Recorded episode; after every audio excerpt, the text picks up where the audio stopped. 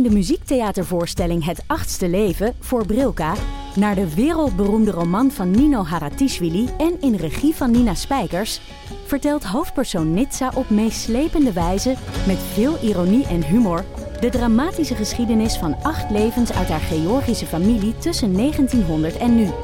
Een hartverscheurend en tegelijk troostrijk drama verteld vanuit het perspectief van vrouwen uit verschillende generaties. Waarbij het publiek meegenomen wordt op een emotionele, visuele en muzikale reis door de 20ste eeuw. Koop je tickets voor het achtste leven via oostpol.nl. Mijn naam is Botte Jellema. Jouw naam is Ipe Driessen. Wij zijn van De Eeuw van de Amateur. De Eeuw van de Amateur is een podcast die gaat over... Alles. Het is een eh, podcast over levenskwesties die je niet kunt googlen. Een soort licht neurotische blik op het leven. Het is een podcast met humor. Jezus. Kijk, een grapje. Die, die vragen durft te stellen en die je ook onbeantwoord durft te laten. Mooi. met een regenboogvlagje. Dat, dat noem je queer, botten. Dat uh, regenboogvlagje, dat klinkt echt als een soort... Uh, ik bedoel, iedereen is welkom. Kom ons luisteren in je favoriete podcast-app. Hallo, hallo, hallo. Welkom bij Damn Honey.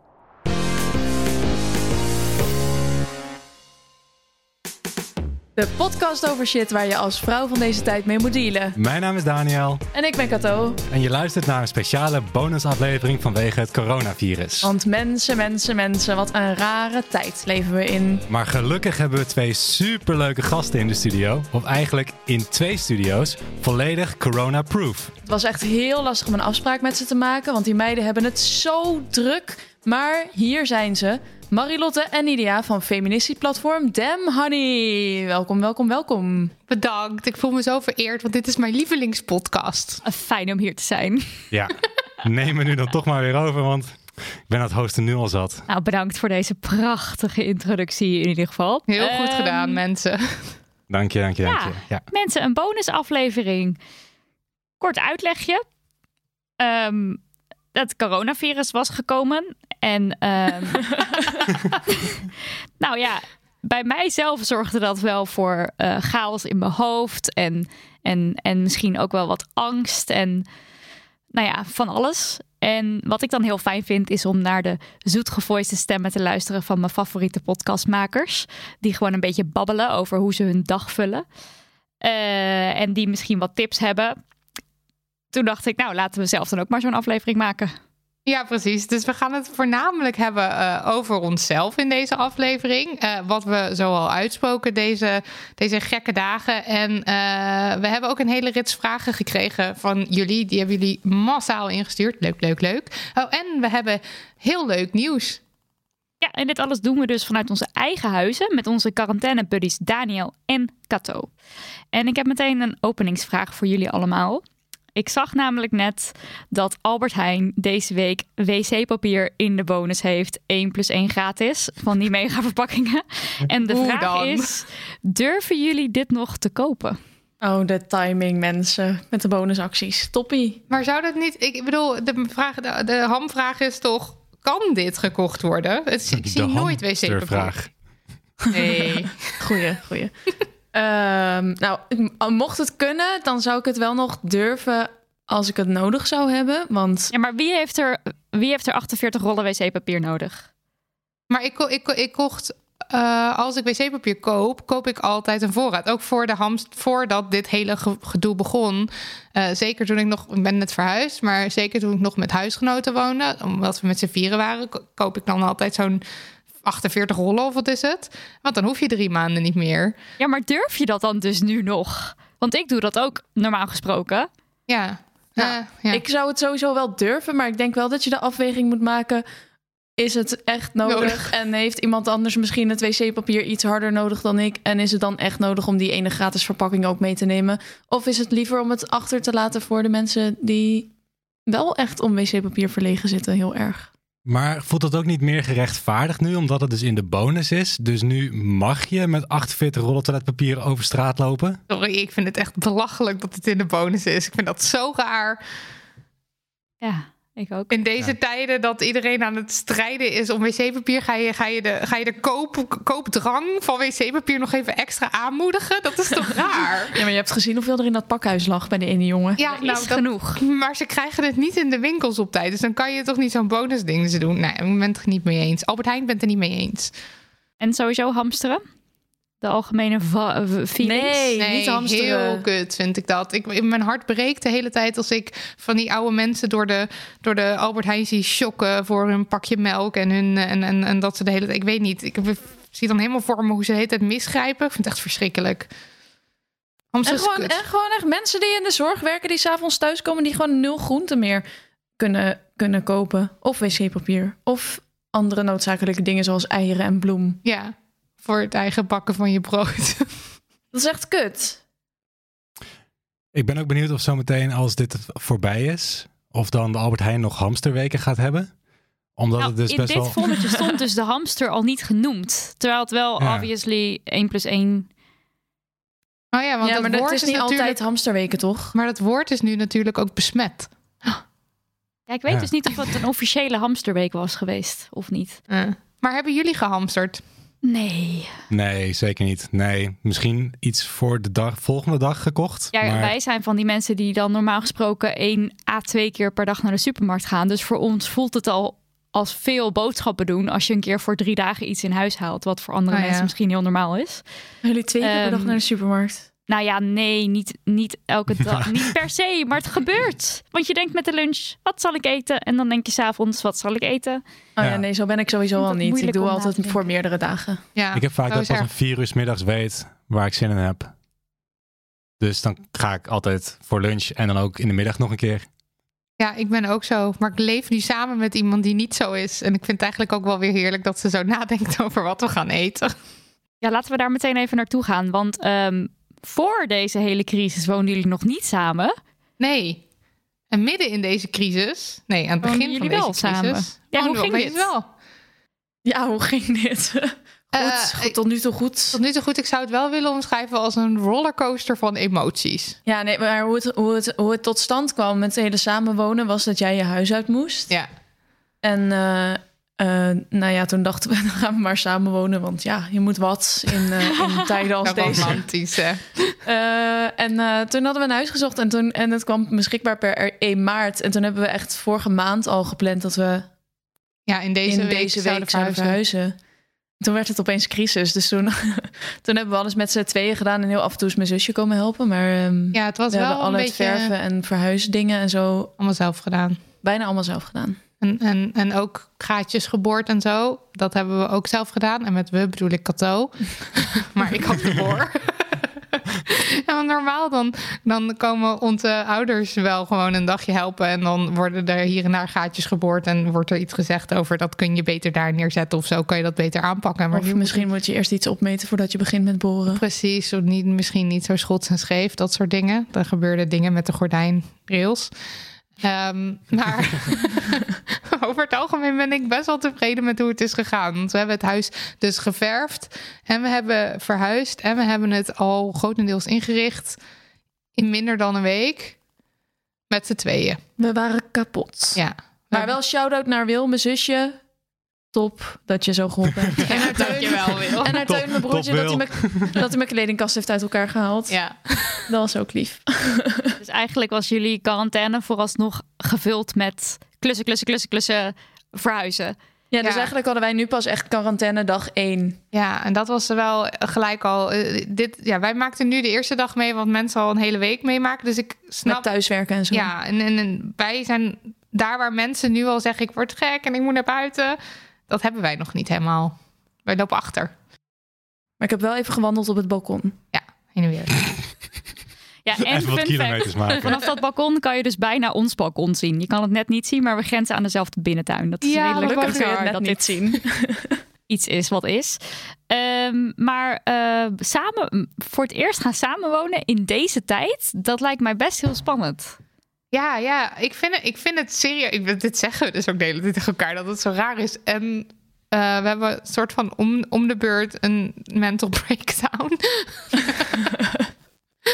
om de beurt een huilbui. En daar trekken we dan elkaar weer een beetje uit. Want het is, het is gewoon ook heel raar. Ik word, word en een beetje anxious van, eh, van het coronavirus. En een beetje anxious van dat dit een nieuw huis is. En dat we het helemaal moeten uitrichten. Ik heb nog nooit, nooit van mijn leven een bank gehad en een woonkamer. Ja, maar, dat, maar het, is niet, het is niet eens alleen eh, het feit dat je gaat samenwonen en dan, en dan opeens drie weken op elkaars lip moet zitten waarschijnlijk. Want ik denk dat ik dat op zich best wel kan handelen. Maar het is gewoon heel raar om, om in quarantaine te gaan in een huis wat je eigenlijk niet kent.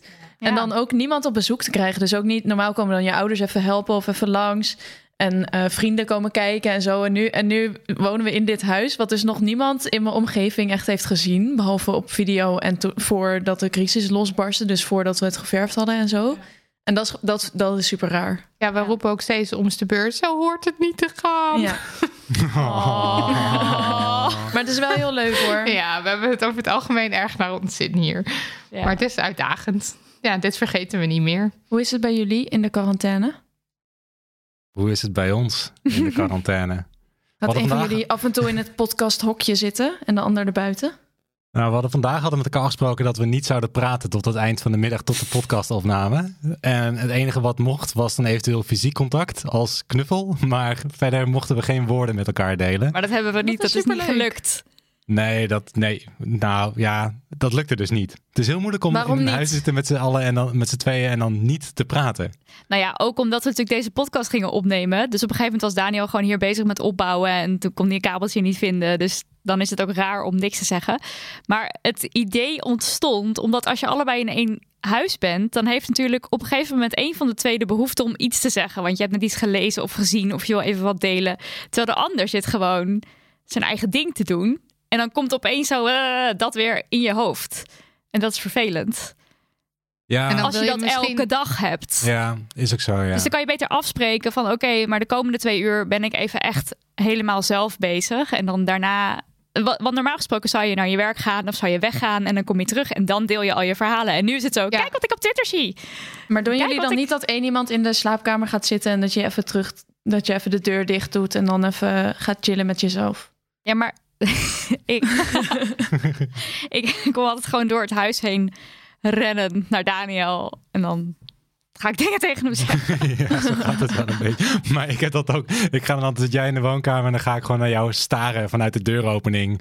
Hopend op aandacht terwijl jij iets aan het luisteren bent of zo. Ja, altijd zet ik dan een podcast te luisteren, moet ik hem weer uitdoen. Heel irritant. Ja, of dan zeg je, ik, ga nu, ik ga nu een podcast luisteren. Je kan niet praten. En dan zeg ik, wat? Wat zeg je? En dan ben je een podcast aan het luisteren. En dan dat gaat, gaat heel, Heel vaak mis. vervelend. Gaat heel vaak mis. Dan moet je Maar daar goed. ook dingen over vertellen over die podcast natuurlijk. Ja, terwijl je wil gewoon die podcast luisteren. Moet niemand, tegen, moet niemand doorheen praten.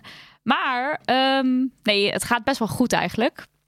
En ehm, het begin van het hele verhaal, nou nog steeds wel een beetje, was ik dus heel snel afgeleid. En ehm, eh, al het nieuws volgen en alles is kut. En mensen houden zich niet aan regels. En hoe zorg je ervoor dat je ouders thuis blijven? En alles, waardoor mijn hoofd gewoon heel vol was. En toen werkte het het best voor mij om echt praktische dingetjes te doen. En zo min mogelijk verwachtingen van mezelf te hebben. Dus een beetje klussen, een beetje koken, schoonmaken, opruimen. En dan met dus een podcast aan om een beetje gebabbel, een beetje gezelligheid in je hoofd eh, te krijgen. Ehm, en ondertussen begint het wel ietsje rustiger te worden. En hoop ik dus, ook nu Marilotte dus weer back in the game is, om weer wat meer werk te verzetten. Ja. Nu ze klaar is met verhuizen. En komen jullie nog buiten? Krijgen jullie nog beweging? Bijvoorbeeld door op het balkon heen en weer te lopen. Ik noem maar wat. Nou, ik vind dat dus wel een interessant iets. Want ik ehm, zie in mijn omgeving dat mensen toch al heel snel beginnen met allerlei eh, schema's. Eh, en dat is heel goed voor die mensen. Als in sportschema's. Ja, bijvoorbeeld, ja. Of eh, ik moet van mezelf elke dag een uur wandelen. En ik ga zo en zo eten. Ik ga heel gezond doen, la la la. En ik denk dus dat het voor best wel veel mensen ehm, een beetje een, een enge of gevaarlijke periode is. Ook daardoor. Omdat je bijvoorbeeld eetstoornissen of eh, eh, van jezelf allerlei dingen moeten, dat dat heel erg nu de kop opsteekt. Van oh Ja. god, als ik nou maar niet aankom, Ja. als ik nou maar niet, eh, eh, als ik nou maar wel genoeg blijf sporten. Dus dat er heel veel druk ook bij mensen komt. Maar ik snap ook wel weer dat je zoekt naar een soort houvast, omdat opeens alles wat je kent en je hele ritme soort van wegvalt. En dan denk Ja. je, nou, ik ga het gewoon dan zo en zo aanpakken. En dan weet ik tenminste een beetje waar ik aan toe ben. Dus dat begrijp ik ook wel weer heel is ook heel slim, denk ik hoor. Alleen ik, ik merk dus bij mezelf dat ik het niet gezond vind als ik nu ga denken van als ik nou maar niet aankom. Nee, je zou eigenlijk in ieder geval je gewone eetgewoontes moeten aanhouden. En als je de behoefte voelt, ga je lekker even springen of zo. Eh, ik weet het niet. Ja, dat denk ik. Ehm, wat, ik, wat ik zelf heb nu met corona. Ik merk dus heel erg dat ik, omdat ik de hele tijd binnen zit, dat ik eigenlijk heel veel energie heb. Ik ben een soort, soort van, ik voel me een soort van puppy die niet hele tijd binnen kan zitten, maar ook gewoon buiten wil zijn en ook wil sporten en dat soort dingen. En dan heb ik voor mezelf een soort van verantwoord van, oh ja, maar ik kan wel gaan hardlopen, want dan kan ik wel afstand houden van mensen. En ik merk dus laatste, ik zeg maar vooral ook door wat jij ook tegen mij gezegd hebt, Nidia, omdat ik heel veel commentaar heb op andere mensen die wel naar de supermarkt gaan, dicht op elkaar staan en zo, dat ik eigenlijk zelf ook een wel er, zeg maar hardlopen is niet per se heel erg anders, want je komt ook gewoon buiten en je draagt ook gewoon bij aan het buiten zijn en het laten zien dat je buiten bent. Dus ik, ik heb daar zelf moeite mee met dat ik wil graag naar buiten en ik denk van ik kan ook prima buiten gaan hardlopen en dat soort dingen doen of een stukje wandelen of zo, maar ik weet dus niet of het goed is om dat te doen. Nou, wat ik zelf, ik snap heel goed dat mensen dat doen, want ik denk dat het voor je mentale gezondheid misschien ook wel heel prettig is. Maar wat ik zelf storend vind, is dat mensen die hardlopen soms heel dicht langs je Oh ja. inhalen. Ja. Ehm, en ik las ook weer ergens dan, doordat je zo diep ademhaalt, dat het dan weer extra. Ja, Ja, het virus zit in je bovenste luchtwegen. Dus dat, Ja. dat komt dan lekker los als je... Dus het is Ja. meer dat ik denk, ja, ga lekker hardlopen. Maar ga dan, zorg dan wel echt dat je echt die anderhalve meter afstand Ja, houdt. en dat doen heel veel mensen gewoon niet. Ook Ja. omdat sommige paden daar niet, Nee, niet op berekend zijn. Dus moet je niet over die paden rennen. Maar dat doen mensen wel. En al helemaal als je met z'n tweeën gaat hardlopen, dan neem je al helemaal veel ruimte natuurlijk in. Dus eh, ja, nee, dat- ja, zelf weten zou ik zeggen. Maar hou er wel rekening mee Ja. dat je die anderhalve meter bewaart. Mhm. Ik vind nu het wel best wel lekker om s'avonds te gaan wandelen, want het is echt doodstil op de straten. Dat is wel echt fijn. Die mensen kunnen nergens heen, dus dan, om dan afstand te houden is dus heel erg makkelijk. Ja, is goed te Want je komt niemand tegen. Niks aanraken onderweg. Of niet ademen. En niet ademen. Ja, inderdaad, makkelijkste maatregel is dat Maar ik eigenlijk. vind het ook echt wel een enorme uitdaging om naar de supermarkt te gaan hoor. Want ik word helemaal naar van mensen die zo dicht langs je gaan en zo. En Ja, die je ugh. aanraken. En het is echt niet te doen om daar anderhalve meter afstand te houden. Omdat de supermarkten ook zo druk zijn. Ja, ik heb, ben al een keer rechtsomkeer ge- gegaan, gemaakt. Hoe zeg je dat? Ik heb Omdat ik rechtsomkeer dacht- gem- Omdat ik gemaakt. dacht, het is gewoon zo vol. Laat maar zitten dan nu. Ik zag vandaag iemand lopen die had anderhalve meter stok aan de voor- en achterkant. Dat was echt hilarisch. Wat, echt? Heb je Ja. dat gevraagd? Of uh, is dat jouw Nee, eigen theorie? Nee. Ik, nee, nee, nee. Ik zag iemand ermee lopen en ik durfde, ik durfde gewoon niet in de buurt te komen. Diegene was, de heel, dat was echt een heel goed statement. Want het was echt, dat was serieus echt heel veel afstand. Ja, maar dat, Dat is het hele ding. Dat mensen Ja, dus drie niet meter. inschatten hoeveel dat is. Dus Ja. mensen die zijn de hele tijd, eh, als ik een stukje probeer te lopen, zijn er heel veel mensen die dus weigeren om opzij te stappen of zo. Terwijl op een stoep kan je eigenlijk nooit elkaar passeren op anderhalve Mhm. meter afstand. Ja. Nou ja. Maar ja, dan moet je zelf op de straat gaan lopen. Dat werkt ook. Ehm, En wat doen jullie dan voor binnenactiviteiten? Nou, de eerste paar dagen had ik zoiets van, nou, niet te streng voor mezelf zijn. Ik zie wel eventjes, want dan zie je dus iedereen die zijn kledingkast opruimt en eh, weet ik veel wat allemaal doet. Ja, meteen ook echt. Ik raakte daar Ehm. heel opgefokt van. Iedereen was op een soort van zijn leven aan het beteren. Ja, nou, da- dat vond ik dus ook een beetje storend. Maar ondertussen ben ik wel, eh, heb, ben ik daar ook mee begonnen en vind ik het dus best wel leuk. Ehm, het, het Damn Honey ding dat ik gedaan heb, is een Slack eh, aanmaken. En Slack is een soort chatprogramma. Waar dus nu meer dan 300 honingballen in zitten. die allerlei kanalen hebben aangemaakt. over allerlei onderwerpen waar ze met elkaar eh, over babbelen. Dus dat is een heel erg leuke tip ook voor mensen die denken: van nou, ik kan wel even wat aanspraak gebruiken. Want daar heb je dus allemaal nieuwe potentiële vrienden. Eh, en dat wilde ik al heel lang doen. Dus zo een soort van platform of een forum of zo opstarten. En dat heb ik dus nu eindelijk gedaan. Dus nou ja, hè, voordeeltje.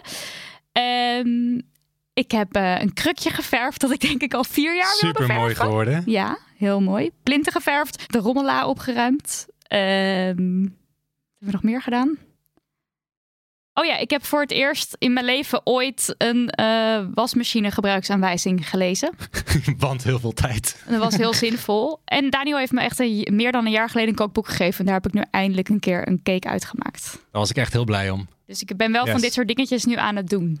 Maar meer Volgens mij omdat was ik er ook echt een zin vraag van heb. een luisteraar of dat een lekkere cake was geworden, toch? Het was een hele le- lekkere cake. Hij is van Ottolenghi en dat is een amandelcake met bosbessen en citroen.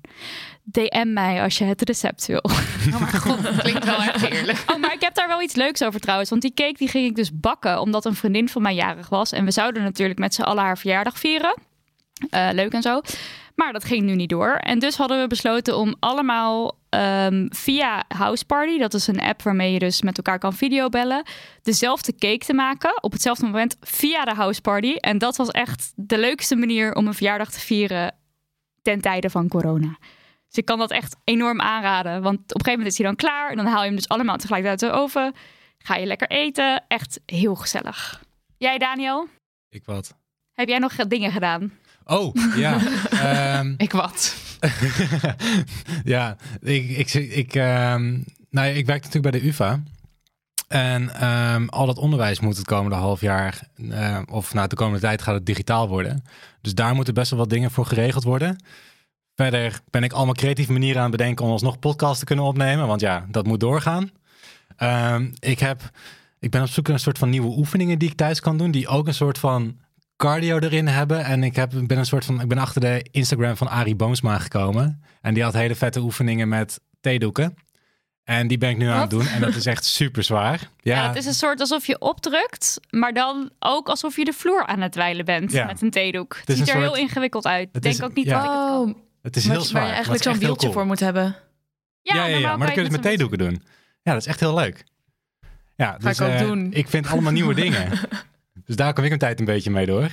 Ja, dat is trouwens nog wel een leuke vraag ook. Want eh, jij hebt dus werk wat je nu niet kan doen. Ja. Want je kan nu niet voor de klas staan. Nee. Eh, en Marilotte en ik, wij kunnen nog wel podcasten. Maar bijvoorbeeld onze spreekklussen en zo zijn afgezegd. Want ja, hè, eh, dat kan nu niet. En hoe is dat bij jou, Kato? Want wat voor werk of iets, hoe kan jij dat vanuit huis doen? Of ben je nu aan het niksen?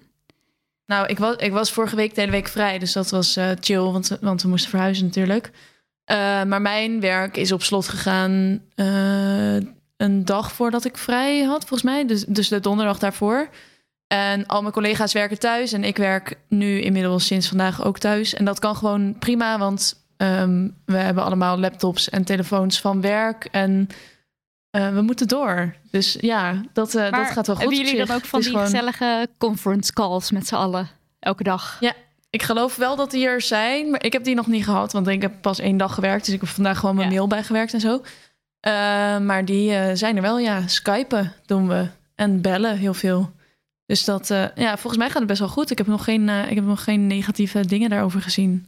Ik vind het wel ehm, opvallend dat eigenlijk, zeg maar, de manier waarop mensen zich aanpassen nu aan, aan corona en aan het, zeg maar, de nieuwe lifestyle, is, ik vind het heel bijzonder hoe, hoe uh, iedereen erop inspeelt. Maar ik las ook wel veel op Twitter, zag ik dan zo langskomen van. Uh, hallo, ik heb een beperking of ik moet thuis werken. En hiervoor kon, zeiden ze altijd dat het nooit kon op afstand uh, werken. En nu opeens hebben we deze globale crisis en is alles mogelijk. En toen dacht ik, Ja. daar heb je echt wel een punt. Ja, dat is heel erg waar. eh, ja. Ja, Sowieso hoe er Ja. nu natuurlijk rekening wordt gehouden met mensen die ziek zijn. En dat er eh, ja, een soort eh, respect is of elkaar willen helpen. Terwijl dat in, doorgaans in de samenleving veel minder aanwezig is. ja dat vind, ik vind ik gewoon heel pijnlijk dat dat Ja. nu zo duidelijk wordt. Dat het gewoon allemaal kan en mogelijk is. En dat we met z'n allen van, van, van alles... eh, En dit zijn, dit zijn eigenlijk ook alle klimaatregelen die we moeten nemen, toch? Ja, Die- ook, wat we ja. nu aan het doen zijn, zijn gewoon, is gewoon alle klimaatregelen die we wilden hebben. En die dus nooit konden. En die dus nu opeens allemaal wel blijken te kunnen. Dat, Ja. is, ook, eh, dat is ook wel. Dus, dus misschien hoop ik wel dat het iets losmaakt. Iets van een bewustzijn dat het allemaal wel mogelijk is. Dat er veel meer mogelijkheden zijn dan we ja. eh, hiervoor veronderstelden. Ja, we hadden hier een vraag over.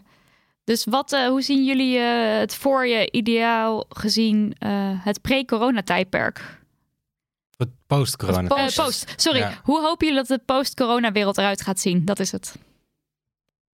Eh, ik, vind- ik vind het op zich wel lekker dat we geen handen schudden. Eventjes een klein dingetje. Ik hoop eigenlijk dat we daar niet per se naar terug gaan. Dat het gewoon hallo, hallo. En dat je zo even- zoals je vroeger, of tenminste zoals ik soms heel awkward zeg. Nou, ik zwaai even hoor naar iedereen. Dat Ik je doe dan, het even zeg zo. ja, ik doe het even zo. Dat doe ik dan nog wel eens. Dat dat blijft. Dat lijkt me Maar heerlijk. En dat je je niet meer behoefte... ook niet meer voorstellen dat we ooit weer teruggaan naar handen schudden. Zo van, gadverdamme, wie ben Verdamme, jij dat ik mijn Nou, hand maar dat- aan jou... Ja, ik moest daar wel aan denken, want, want stel je voor hoe, hoe vies het eigenlijk is, het leven. Dat, dat we dus nu anderhalve meter afstand moeten, van elkaar moeten bewaren, omdat we anders elkaar spuugbellen inademen en zo. Nou, het allemaal zo goor. Dan sta je dus in zo'n menigte, sta je de hele tijd elkaars vocht in te ademen. Dat is eigenlijk zo vies. Ja, dat is is heel heel vies. vies. Het leven is echt goor. En ik, en, ik, en ik weet niet hoe het zit met, want dat handen wassen wat er nu zo in, we zitten allebei in onze handen nu, Eh, dat handen wassen wat er nu zo ingeramd wordt, eh, mijn handen gaan dus helemaal kapot ervan. En als we, ik weet niet of dit dus, als we normaal ja, in het geven, post-corona-tijdperk hoop ik wel dat mijn handen weer zacht worden. ja, dat hoop ik ook. Zo hoop ik wel dat. Oeh, was dat bij ons? Hey, hey, de bel ging. Ik ga even kijken.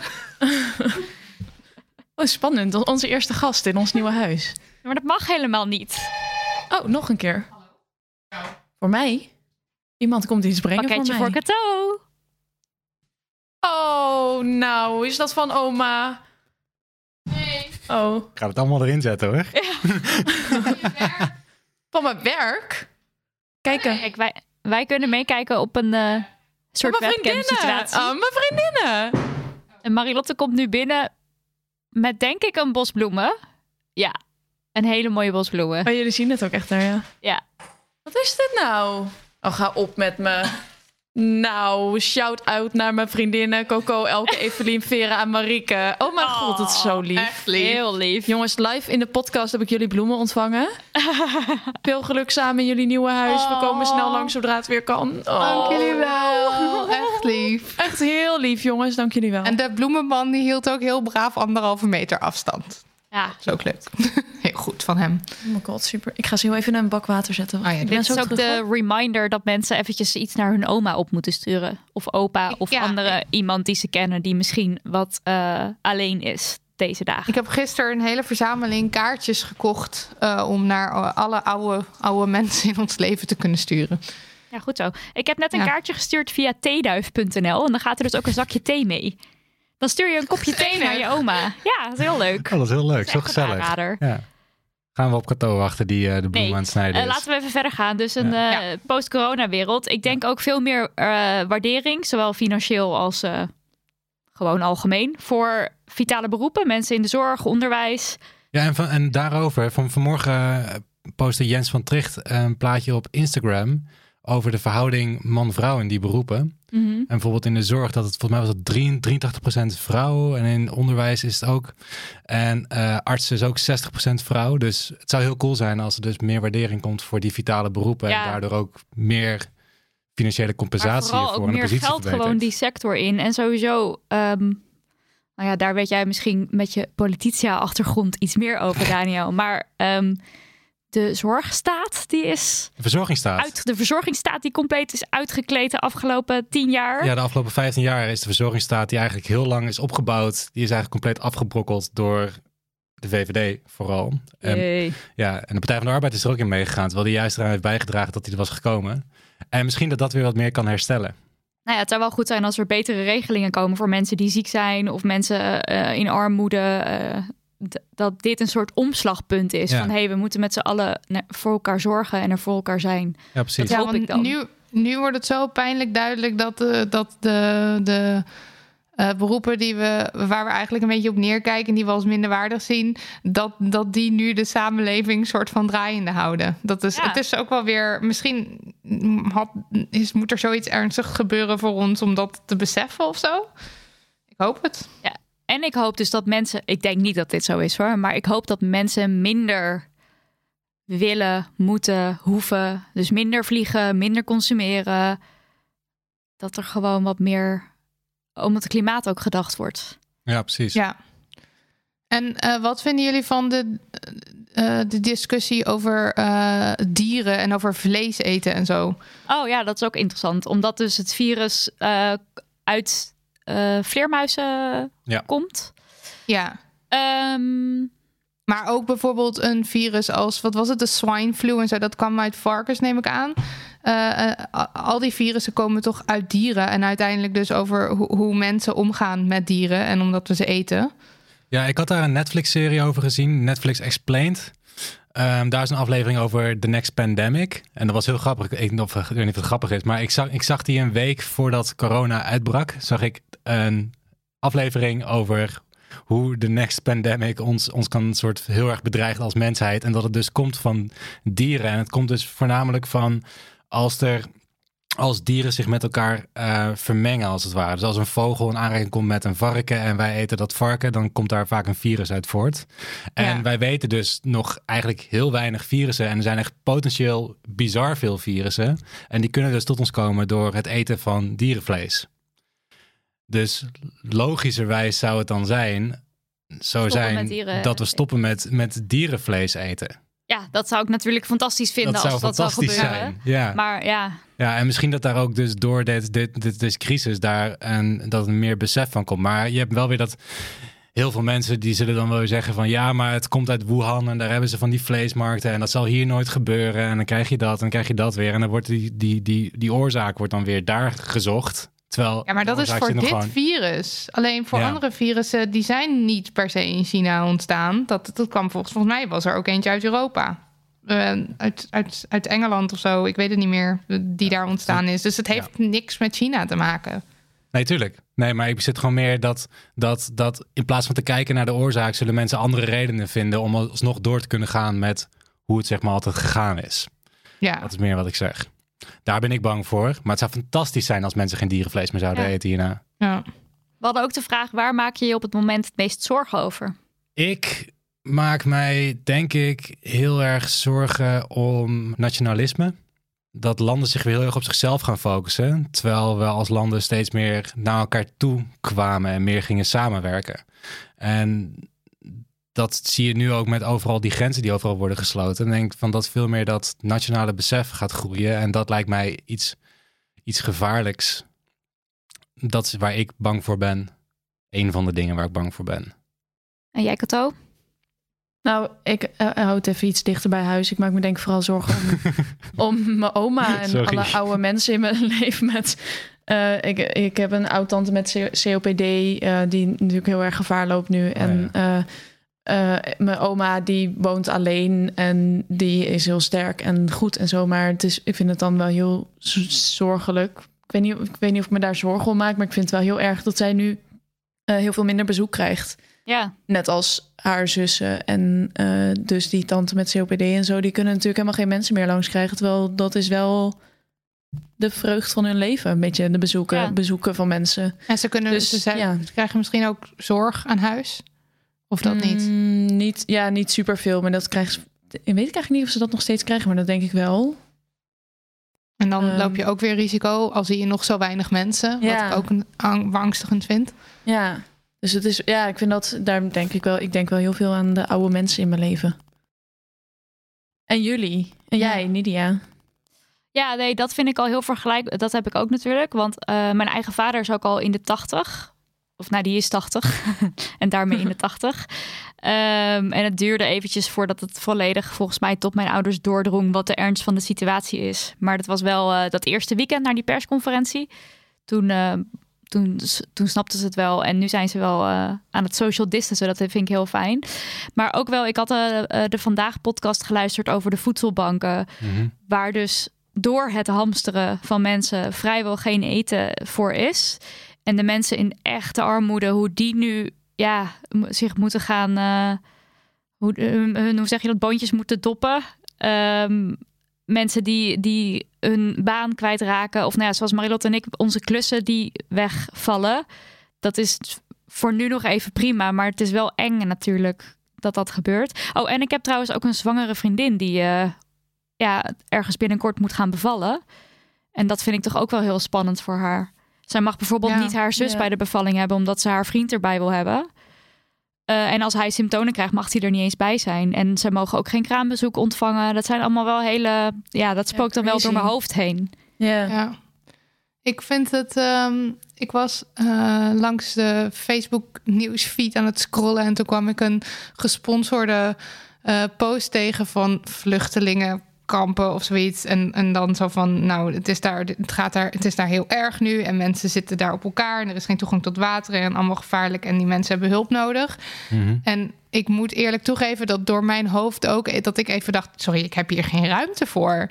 En die eh gedachte zette ik toen weer voor me af. Maar toen keek ik dus naar de reacties onder die post. En dat was allemaal van: sorry, ja, hallo, we zitten hier met het coronavirus en we hebben wel betere dingen te doen. Dus ik ben nu heel bang dat mensen elkaar laten vallen.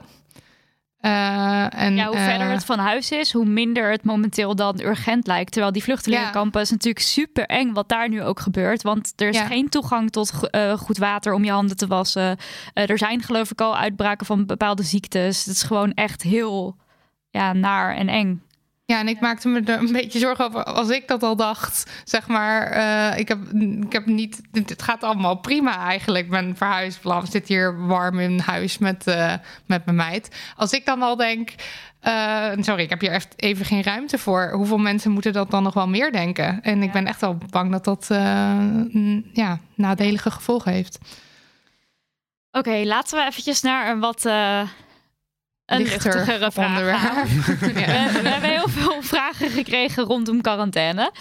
Ehm, zoals bijvoorbeeld, hoe houden jullie relaties en vriendschappen gezond in deze tijd? House party. House Party de app. Ja, dat is heerlijk. En eh, ik heb nu trouwens wel dat ik zelfs het. Om, omdat je je afvraagt van mensen hoe ze zich staande houden in deze tijd. Dat ik mensen die ik al heel lang niet gesproken heb, opeens gesproken heb. Wat ik Ja. op zich wel weer een mooi ding vind. En dat, dat ik opeens drie, drie uur aan het facetimen ben met een vriend die ik dan eh, drie maanden niet heb gezien. Toen dacht ik wel, oké, nou, dit is dan misschien dan wel goed. Ja, ik heb ook het idee dat ik socialer ben nu dan hiervoor. Socialer Ja. dan ooit. ja. Ja, hoe houden jullie je relatie gezond? Want wij zijn net verhuisd. Ja, dus, maar Ik zit dat, te denken hoe wij onze relatie gezond. gezond. houden. Ehm, nou, wij, we, doen eigenlijk nog steeds wel gewoon de dingen die wij normaal samen doen, doen we nog steeds samen. Zoals elke avond samen eten en RuPaul's Drag Race kijken. dat, is, dat is heel leuk. En we, we kletsen over het algemeen s ochtends in bed wel met elkaar. Maar verder houden we dus de rest van de dag, wanneer we normaal elkaar niet zoveel zien, proberen we wel die afstand te houden. Ja. Waardoor als je dan die normale momenten hebt zoals normaal, dan zijn dat ook gewoon de normale momenten samen. En de rest van de dag zit je elkaar niet zo op de lip. Ja. Ja, het is ook wel heel fijn dat we de mogelijkheid hebben om in verschillende kamers te zitten. ja, dat Ja. is misschien ook Ja. wel een soort luxe die, eh, die wij hebben, die andere mensen weer niet hebben. Ja, Ja, en voor mensen die dus niet in dit huis wonen, waarmee we contact willen onderhouden. eh, wat ik dus ook leuk vind, wat ik net al zei over de samen die cake bakken. Dus dat je iets gaat doen terwijl je aan het facetimen bent. En je kan bijvoorbeeld ook Yatzee spelen als iemand Oh ja. anders eh, de dobbelstenen in huis heeft. Eh, of wij, we hebben zo'n groepje mensen waarmee we elke zaterdagochtend eh, koffie drinken. En dan lezen we de Wat zou u doen rubriek eh, in de Volkskrant Magazine. En dat hebben we dus deze zaterdag ook via de House Party gedaan. Dus een Ja, beetje dat ging echt wel activiteiten. goed. Ja, dus activiteiten bedenken die je kan doen. En dat je niet alleen maar naar elkaar zit te kijken van nou, hè, daar zitten we. En eh, bijvoorbeeld vorige week hadden we samen met een vriend de persconferentie eh, gekeken. Die Oh ja. stond gewoon op de Ja. televisie, dus hij kon ons zien hoe wij reageerden op de persconferentie. Maar dat je gewoon wat meer... ehm, dat je niet zo van, oké, we gaan nu tien minuten bellen, maar gewoon een beetje in elkaars leven op die manier bent. Hij heeft ook al een keer meegegeten via de. Maar Koude gewoon, geluiden in je oren. gewoon lekker borrelen samen kan ook, eh, kan ook. Je pakt een fles wijn allebei en je, Ja. en je, en je doet alsof je aan een tafeltje zit samen. Zolang Ja, je klopt. internetverbinding goed is, kun je Gelukkig bijna leven alles we doen. in een digitale wereld. Ja, thank the Lord.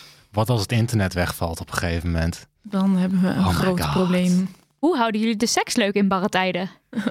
Ja, sekstechnisch hebben mensen van ons... eh, ja, voor seks moet je even niet bij ons zijn, op want wij eh, hadden het druk. Pas. Hoe doen Dus jullie hoe dat? doen jullie dat, ja? Hoe doen wij dat? Nou, het, Ja. we merken wel allebei dat het wat meer moeite kost. Want je hoofd Maar- zit dus zo vol. En je ziet elkaar dus de hele dag. Ik denk toch dat dat ook wel uitmaakt. Dat, je, dat het dan dus moeilijk is om te switchen naar... Oké, dit is Naar mijn stand. slonzige... Ja, mijn slonzige ik die hier al de hele dag Ja. op de bank ligt... naar eh sexy stand. Ja, Ja, Je, bent- je bent echt de hele, de hele dag bij elkaars huisdier. Ja. En dan s'avonds moet je daar in één keer, dan ga je in één keer seks hebben. dat is, ja, ja, en ik merk ook, merk ook vooral zelf dat het dus door alle nieuws die je de hele dag binnenkrijgt, waarvan een deel natuurlijk niet waar zou zijn en een heel groot gedeelte wel, maar het is alleen maar sensatie wat je binnenkrijgt, zit je hoofd ook gewoon zo vol. ja, dat is het. En dat is gewoon, dat is gewoon, dat is gewoon heel erg moeilijk. Om dan En als, je, seks te en, als je, en als je gewoon zeg maar, dat nieuws voor overdag houdt en s'avonds doe je een beetje je mobiele devices weg en pak je een flesje rood en een kaasplankje en dan, eh, en dan kleed je je een beetje leuk aan, zodat je dan heb je een, een echt onderscheid tussen je ochtend en je avond of je middag en je avond. Ja, ik Denk weet je niet. dat het dan beter zou gaan? Ja, misschien. Maar ik merk hoe ik zelf, zeg maar, hoe mijn brein werkt, is dat ik heel vaak wel dingen die ik overdag doe meeneem naar de avond. Dus als ik een hele drukke dag heb gehad, dan heb ik s'avonds nog steeds wat dat gewoon mijn hoofd wel Ja, dus eigenlijk zit. moet je 's ochtends seks hebben. Nog voordat er ruimte is voor nieuwe... Voor al die nieuwe indrukken. En dan moet je ook geen Twitter openen wanneer je opstaat. Wat is jullie ideale tip voor quarantaineverveling? Dat is, eh, wij hebben ons nog niet verveeld. Ja, je Ga verhuizen. Ja. Super chill. je verveelt je geen seconde. moment. Ik, ik zou ergens ook zeggen, embrace de verveling. Want ik heb dus heel lang niet gehad dat ik me echt heb verveeld. En ik heb nu dus wel eens dat ik gewoon zit en denk van... ik heb gewoon echt niks te doen. Ik kan wel gaan Netflixen of ik kan wel even gaan gamen... of ik kan even basgitaar spelen, maar daar heb ik ook niet per se zin in. En het is eigenlijk ook wel lekker om dat gevoel weer een keer te hebben. Want dat had, je, dat had ik vroeger als kind wel eens, dat ik me gewoon echt verveelde. Maar nu niet meer. En volgens mij is dat gevoel wel gezond, denk ik. Ja, dat volgens mij ook. dat wel denk ik ook. gelezen dat je, dat je als je brein uitstaat en je hebt echt niks te doen en je verveelt je, dat je dan, het, dat je dan weer creatief wordt en zo. Ja, precies. Ja. Dus maar verder, als je als je, als je, je verveelt in quarantaine en je wil dat niet, dan zou ik de Instagram van Arie Boomsma bezoeken en kijken naar nieuwe sportoefeningen. Oh, maar over sport gesproken heb ik dan ook een tip. En dat is de Fitness Marshal op YouTube. Want die doet dus allemaal dansjes. En dan kan je meedansen op Lizzo of op andere leuke mensen. En dat is echt heel leuk. En zijn Kan dat leuke dansjes? Ja? Ja, en het is soms, het is wel moeilijk, maar het is niet. ehm, hij gaat gewoon dat dansje doen. Dus hij gaat niet eerst uitleggen wat je moet gaan doen of zo. Hij gaat het gewoon dansen. En soms danst hij iets wel iets langzamer, dan gaat het daarna wat sneller. Maar het is niet zo echt een fitnessklasje wat je volgt, maar meer casual meedansen. En hij is erg enthousiast, dus dat is een mega goede tip. En iedereen moet de mol gaan kijken, want dat is gewoon een heel leuk programma. Dat is Ja, letterlijk en, jouw en heel veel aanrader mensen aan gaan iedereen. tekenen ook, toch? Ja, tekenen, ja. Ja, en eh, ik zag dat Mignon allemaal eh, kleurplaten heeft gemaakt. Dus dat is misschien nog een tip. Als je niet zelf wil tekenen, dat je dan eh, de kleurplaten kan Kunt inkleuren. inkleuren. Maar, en wij hebben gisteren, want wij, wij hebben nu weer een tv. Echt, ik heb mijn leven lang al geen tv gehad. Maar eh, de, de joy of, eh, of, of zapping vond ik ook weer heel erg leuk. En toen kwam, ik zag dat dit trouwens ook een antwoord was van een van onze honingballen op tips wat je kan doen als je in quarantaine zit. Naar de schilder afleveringen kijken van Bob Ross. Oh my god. dat is dus echt, daar keek ik gisteren naar, want het was een prijs. Ik vond het ontzettend rustgevend. En dat is zo knap wat die man kan. Ik denk trouwens dat elkaar naschilderen of natekenen via, Ook leuk eh, is. via FaceTime. Dus stel je voor je wil contact houden met een vriend of vriendin of je partner, dat je dan dat dat ook een leuk iets is. Ik denk gewoon dat iets doen tijdens dat FaceTime of dat dat Ja. fijn Ja. is voor je relaties. En lezen. Ga weer eens lezen. Dat vind ik dus oprecht nog wel lastig nu vanwege mijn hoofd. Ik ook. Mijn hoofd is echt te druk. En ik ben de hele tijd bezig met... hoe zou Maar het er nu niet- coronatechnisch voor staan? Maar maak je het niet rustiger door dan juist te gaan lezen? Nou, ik, ik- raak heel snel afgeleid als ik Ja. lees. Ik lees nu de Handmaid stil. Ik word er niet per se heel veel rustiger van. Je moet wel gewoon eventjes eh, verstandige keuzes maken, Daniel. Oh ja, het, was, het, was trouwens, was trouwens heel grappig, want in de Handmaid Stil ken je die, ken je die, die, die, die scène of dat stuk waarbij ze boodschappen gaat doen en dat ze dan zeggen, there are oranges. Dat ze, ze, ze hebben zeg maar weer Ja, oh sinaasappelen. En ik had dus laatst in de supermarkt, toen zag ik zo'n schap en er stonden dan eindelijk weer eieren. En ik had echt een soort van, ik in één keer dacht van, wow, ik zit, wow. Daar moest ik aan denken. Ik vind het ook Ja. wel dat, de hele- dat de supermarkten, zeg maar voor mezelf, dat de supermarkt leeg is en dat je creatief moet zijn. Dat vind ik dan wel weer grappig. Dat vind ik meer een spelletje worden van wat ga je dan eten. Een soort creatief. Vind ik ook wel leuk. Ja, een beetje een soort recreatief iets. En gelukkig kookt Cato, dus die is dan heel creatief in bedenken wat we gaan eten. Asperges zijn er altijd nog. Asperges zijn super lekker en super makkelijk te maken, mensen. Maak asperges. En pastinaken zijn er ook de hele tijd. Asperges Ik zou ook echt niet weten wat ik met pastinaken aan zou moeten. Ik weet ook niet hoe je asperges maakt. Ja, ik ken alleen maar pastinaak met soep. Maar oké.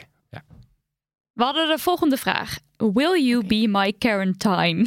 Denk ik dat je dat zo zegt. Wat is jullie advies aan mensen die single en alleen thuis zitten en plots een onstuitbare behoefte tot een geliefde om zich heen voelen? Ik merk om me heen dat dit best veel speelt en dat mensen de neiging hebben om bijvoorbeeld een toxic ex te gaan contacten. What to do? Moeilijk. Ik, kan me, ik, vind het, ik heb ook wel echt te doen met mensen die in deze tijden willen daten. Of, of weet ik veel, van ofwel casual of gewoon. eh, want dat mag eigenlijk niet. En dan zit je daar. Ja, wij hebben natuurlijk het geluk dat, of nou ja, dat is natuurlijk niet voor iedereen, want er zijn ook mensen die met iemand in een huis wonen die misschien een gevaarlijke situatie eh, die daarvoor zorgt. Huiselijk geweld en zo, dat is natuurlijk nu ook allemaal heel eh, Ja. ja, extra spannend. Ehm, maar oké, wij hebben dan het geluk dat we in een fijne, fijne relatie met iemand zitten. Maar als je alleen zit, brengt dat natuurlijk wel echt weer hele andere ja, gevoelens en emoties met zich mee.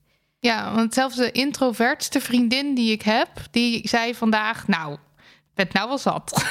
Ja. Dus, dus het lijkt me echt. eh, ik, ja, behalve dan dat je dus contact kan houden via internet, online. eh, het daten zelf en nieuwe mensen ontmoeten is natuurlijk echt super lastig. ja, online kan je nieuwe mensen ontmoeten. Ja, maar ja, als je Ik begreep- dan dat er flink geswiped wordt. is dat zo? Ja, Ah, Maar je kan natuurlijk wel nog een soort van huidhonger dan hebben. ja. ja. tuurlijk. Ja. En dat, en dat, dat is best wel moeilijk op te lossen, denk ik eigenlijk nu. ja. Ik weet niet zo goed wat je dan zou moeten. Of je dan, of je dan bij iemand gewoon die je chill vindt in een huis moet gaan zitten. En dan dat je elkaars Ja. quarantaine buddy Ja. bent voor eeuwig totdat het afgelopen is. En dan besluit wij zijn elkaars persoon. ja, je kan er Dat moet natuurlijk, iedereen voor zichzelf beslissen, denk ik. als, die, natuurlijk, als je maar- verder die cirkel gesloten houdt. Want het hele ding is natuurlijk dat, stel wij zien één iemand en die persoon die ziet ook weer vier iemanden en die persoon Ja. ziet ook weer, dat wordt een probleem. Maar als je weet van, ja, maar dat je dus met z'n tweeën opsluit. Ja. Ja, ja, dan zou dat wel kunnen. Ja. Maar dan moet je het wel heel goed met elkaar kunnen volhouden. Maar die neiging om eh, contact te zoeken met eh, mensen die een beetje eh toxisch zijn, doe het niet. Ja, precies. Ja. Doe het niet. Maar zo werkt het natuurlijk. Hou ik vol. ook. Nee. Ja, hou je taai. Ja. We hadden, Weer we met andere laatst- mensen contacten onderhouden. We hadden, we, we hadden het laatst hierover toen met ons bespreken van onze Volkskrant vraag. Dat in China na het, na het opheffen van Oh de ja. lockdown... dat er 80 scheidingen direct waren aangevraagd. Ja, zoiets ja. Of dat er meer scheidingen werden aangevraagd. Dus de kans is groot dat als de lockdown voorbij is... dat er heel veel stellen uit elkaar zijn. Ja, dit is dus en een dat van... je dan dus nieuwe mensen kunt ontmoeten... omdat er gewoon weer meer vrijgezellen op de markt zijn. Dus misschien Ja. dat die gedachte je gaande houdt de Ja, dat is tijd. een van de gedachten die Titia Hoogendoor Ja, op de been houdt. Dat, Ja. de, dat de single market ook gespekt wordt. Dankzij het Oh, mensen elkaar de tent uitslaan. Ja. ja, dat is misschien iets wat je, wat je bij je aan vast kan houden. Hoe komen jullie aan de naam honingballen? Eh, nou, dat is mijn doing, denk ik. Ik heb een keertje in een van de afleveringen helemaal aan het eind eh, bij de outro geroepen: Nou, doei, honingballen. Of bollies of zo. En vervolgens zijn daar eh, luisteraars mee aan de haal gegaan. En toen kregen we opeens mailtjes met... eh, nou, jullie trouwe, trouwe honingbal, die en die. Groetjes van jullie trouwe honingbal, die en die. En opeens werd het een ding. Maar dat hebben de luisteraars zelf gedaan. En, en, en wij hebben het ook weer overgenomen. Dus we hebben het helemaal omarmd met z'n allen... dat de luisteraars van Damn Honey honingballen zijn. En ik lof het. En hoe kom je aan de naam Damn Honey?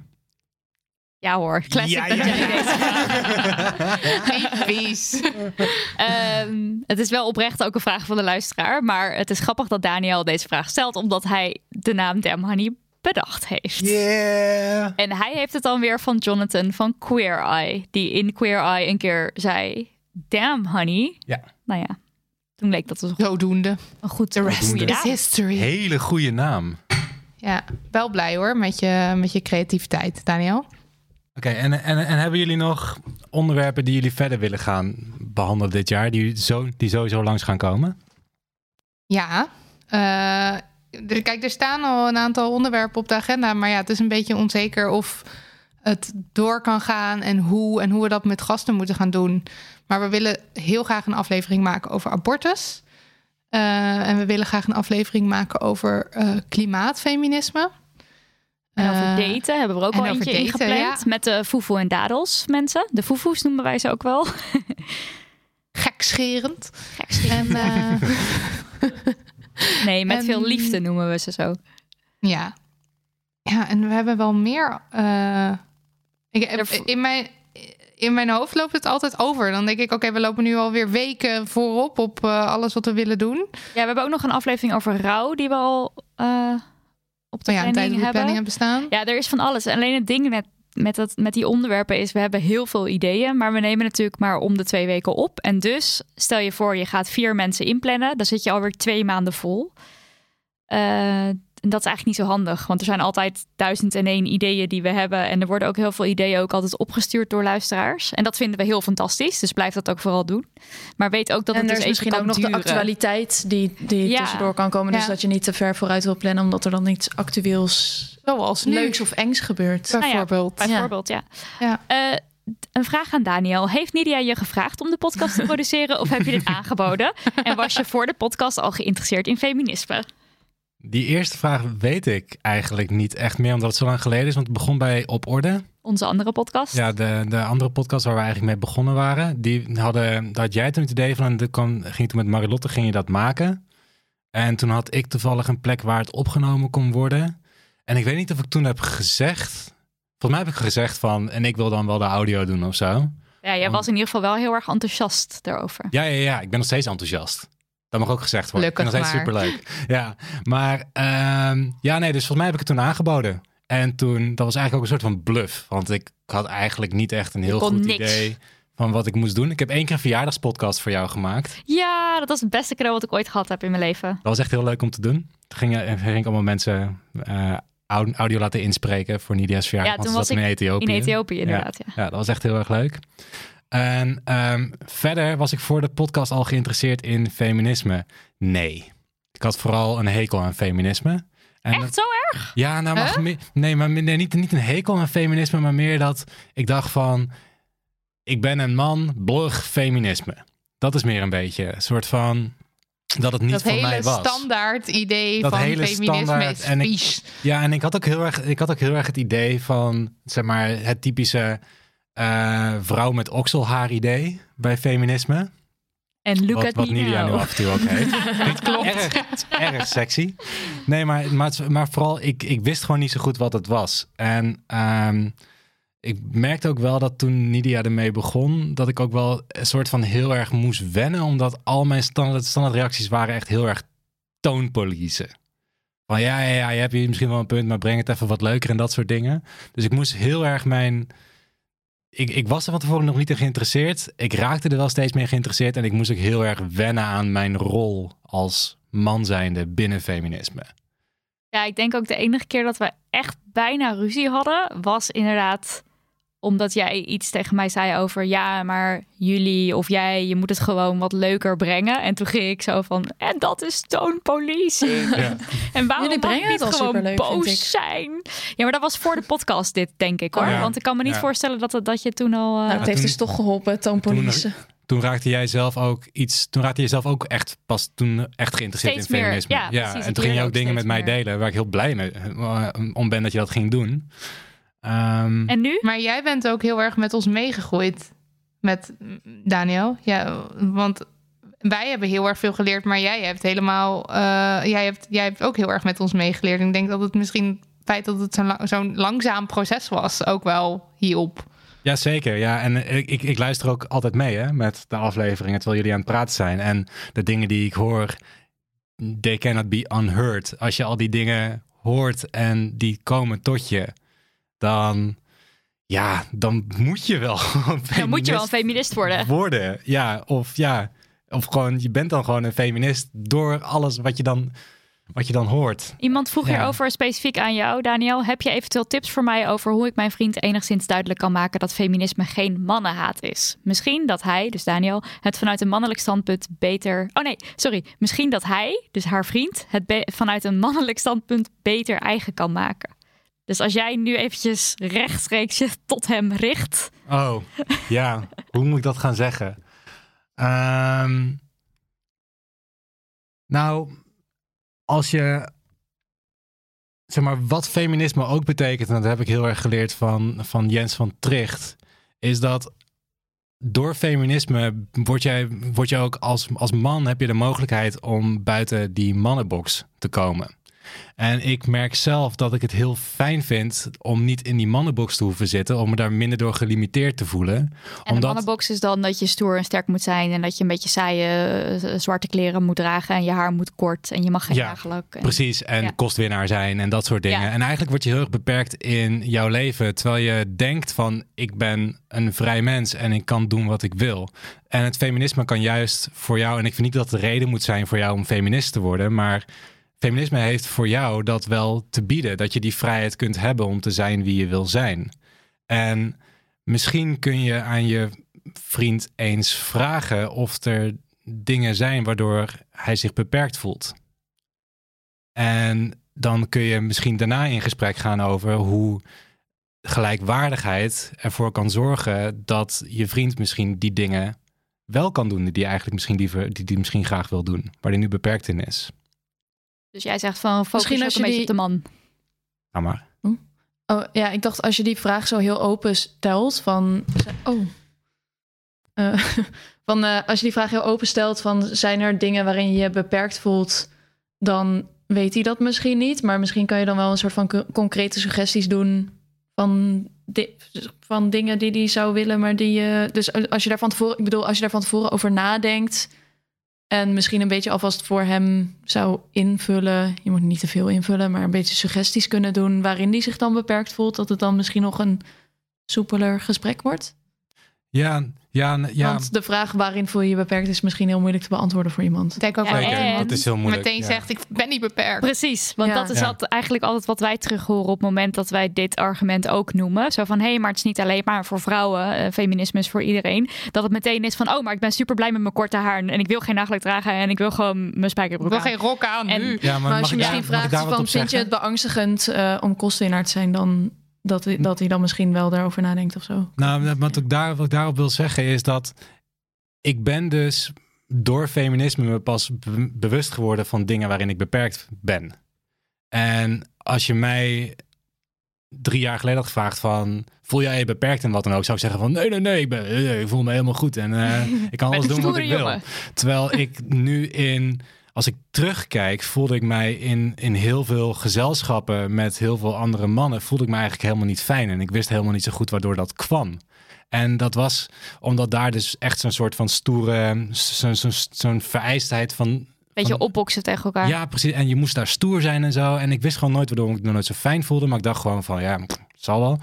En, maar door feminisme heb ik, ben ik wel veel meer achtergekomen van de dingen die ik eigenlijk zelf heel graag wil doen. Zoals nagellak dragen. nagelak!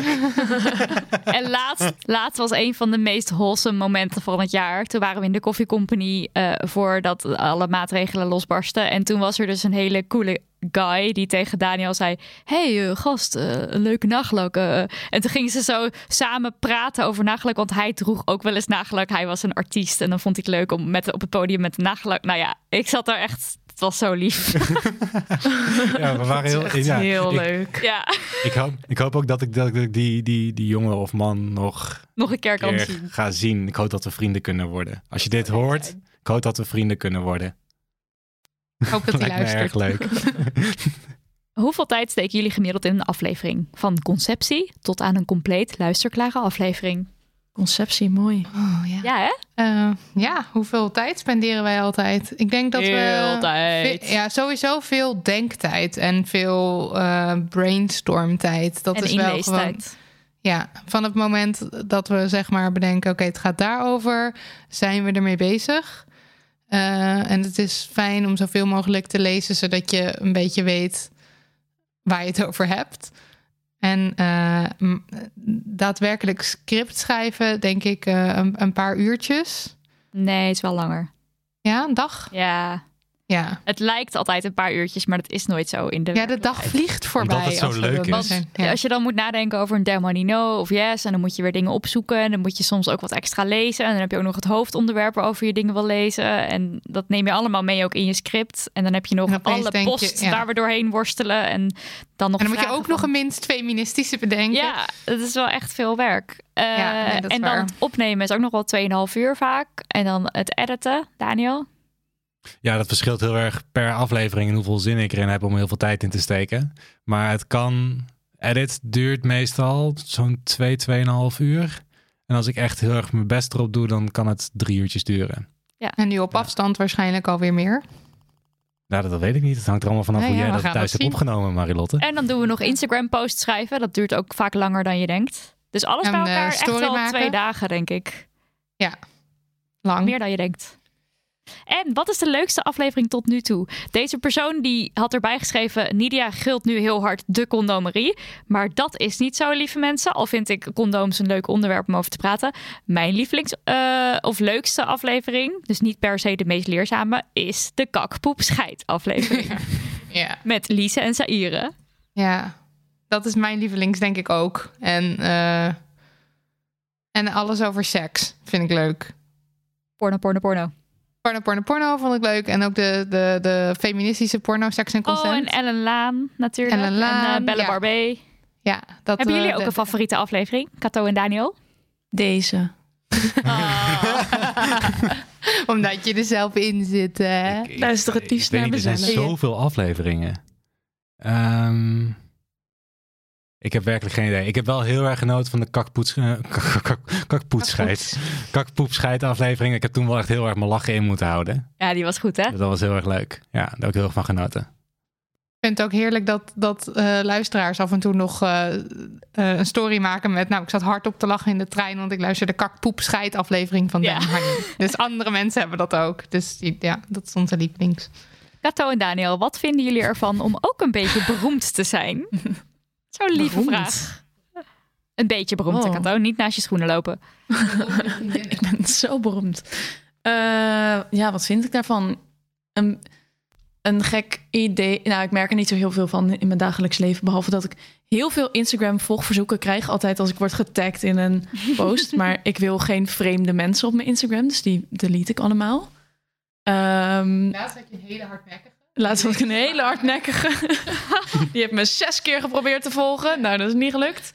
Ehm, maar ehm, nee, wat vind ik ervan? Ja, dat vind ik helemaal niet erg of zo. Maar ehm, eh, ja, gewoon wel soms een raar idee dat mensen heel veel dingen van mij weten. Ja, want dat vind ik wel eh, ook. zonder dat ik ze ken. Want wat vind je ervan als Marilotte allemaal persoonlijke dingen vertelt? Nou, we hebben, het er, we hebben het er wel eens soms over, over wat ze dan wel of niet mag vertellen. Want ik, ik, ik heb liever niet dat, er, dat alles over mij verteld wordt of zo. Maar Ja. ja, ja als, als het echt als het een soort van kritiek dingetje is of zoiets. Of iets waar ze over twijfelt, dan vraagt Marilotte het altijd wel aan mij. En dan zeg ik ja of nee. En da- daar houdt ze zich heel goed aan. Dus dat vind ik dan heel fijn. Netjes. Ehm, en dat mensen dingen van me weten, ja. Ja, ik vind dat niet zo erg. Ik vind het ook wel grappig, maar het is wel een gek idee soms. Ja, en Daniel? Jij, Daniel? Ja, ik kan me. Heb ik ooit tegen jou gezegd van nee, dit mag je echt niet zeggen? Nee, volgens mij niet. Nee, ik, ik heb eigenlijk. Ik vind eigenlijk alles altijd wel prima. Maar even, het cruciale, het cruciale verschil is hier wel dat jij er dus altijd bij bent. En ik zit altijd zonder cadeau op te nemen. Zeker, dus ik kan. is ook zo. Ik ben me daar heel bewust van, van alles wat ik zeg. eh, omdat gewoon die controle er niet is. En als jij iets, als Nidia iets zou zeggen wat jij niet wil horen. of wat jij niet eh, in de podcast wil. dan kan je, dat met, kan je meteen ingrijpen. En dat Kan vind ik, soms wel een beetje een tricky ding. Ja, precies. Met stoelen gooien. zoals je dat altijd doet. Komt die man weer aangelopen met een stoel boven zijn hoofd? Oh, Eh, komt hij weer. Ja, ja, nee, maar ehm, ik, heb, ik heb wel eens, ik kan me, bijvoorbeeld op een gegeven moment ehm, hadden we een, een hadden we die, was de relatieaflevering was er. Ja. Met Roos en Mandy. Mhm. En toen ging je ook al wat dingen delen over ons. En ook volgens mij hoe ik in het begin ook jou had versierd. Versierd. en ehm, ik, ik merkte dat ik toen wel moest nadenken over of ik dat oké vond om dat erin te gooien. Omdat dat was gewoon echt heel erg... Ja. En... ehm, Dat was nog in je En de- pre-feministische tijdperk. ja, precies. En dat dacht ik dus ook. Ik dacht van, ja, ik schaam me niet per se voor dingen die ik eerder heb gedaan, omdat ik nu daar, omdat ik dat nu niet meer, ik zou dat nu niet meer doen. Nee, en daar laat dus ook mooi in. zien hoe Ja. iemand kan groeien. En dat je niet altijd iemand meteen hoeft af te schrijven als je niet 100% Precies, matcht. Al ja. zijn er natuurlijk wel bepaalde dingen waarvan je denkt, oké, sorry, maar dat, dat, gaat geen, dat gaat niet klikken. Ja. Eh, ja. Zullen we even een levenskwestie erin gooien? Ik wilde het net voorstellen. Levenskwestie. Ik vind die eerste wel leuk. Hoe gaan jullie om met grote keuzes rondom werk? Ik merk dat ik het heel lastig vind om te kiezen tussen zekerheid en dat wat ik echt leuk vind. Of daar een balans in vinden. Oh ja. Dat Ja. is heel moeilijk. Ik denk dat we daar allemaal over mee kunnen praten. Ja. dat vind ik ook moeilijk. Hmm. Even denken hoor. Nou, jullie hebben op zich nu werk gekozen wat je heel erg leuk vindt, maar toch? dat was wel een proces. Ja. Ik, ik denk dat de tijd misschien wel eh, het, het cruciale ding is. Dat, dat, dat je ehm, eh, een, een overgangsfase hebt. Tussen Ja. dat wat misschien zekerheid geeft. En, eh, en- maar wel genoeg ruimte om ook al bezig te houden met de dingen die je leuk vindt.